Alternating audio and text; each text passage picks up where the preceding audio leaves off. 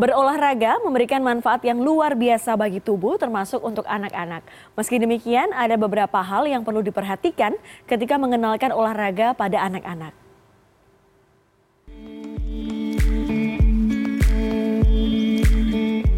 Olahraga dapat membantu tumbuh kembang anak menjadi lebih positif baik secara fisik maupun secara psikis.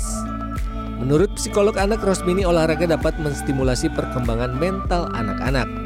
Contohnya dalam olahraga permainan, anak-anak dapat dilatih untuk menghadapi rasa kecewa karena kekalahan dan rasa senang karena kemenangan. Mereka belajar untuk mengontrol diri dalam meluapkan perasaan.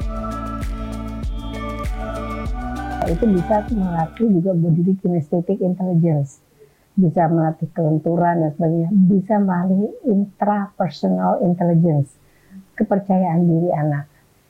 Bisa kemampuan interpersonal intelligence, kemampuan bekerja sama dengan orang lain karena misalnya olahraganya main bola, voli dan sebagainya itu kan pasti butuh kerjasama.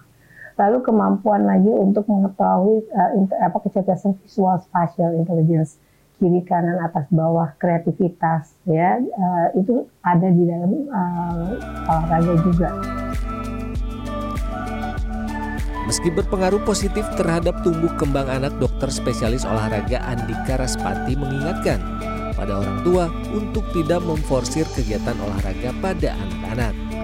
Anatomi tubuh anak seperti otot dan tulang yang masih belum tumbuh secara sempurna membuatnya rentan terhadap cedera apabila terlalu diforsir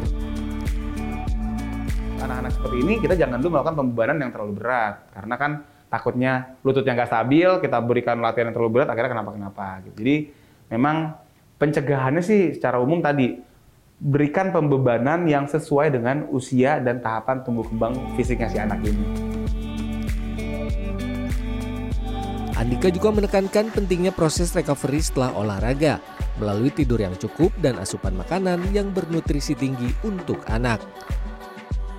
Untuk mengenalkan anak pada olahraga salah satunya dapat dengan mengikuti event olahraga seperti CT Arsa Charity Fun Run yang akan digelar pada 18 November nanti di lapangan Trans City BSD Tangerang Selatan mulai pukul 5 hingga 11 pagi waktu Indonesia Barat. Acara ini akan dimeriahkan penampilan Diskoria, Malik The Essential, dan Trans Brother. Tim Liputan CNN Indonesia.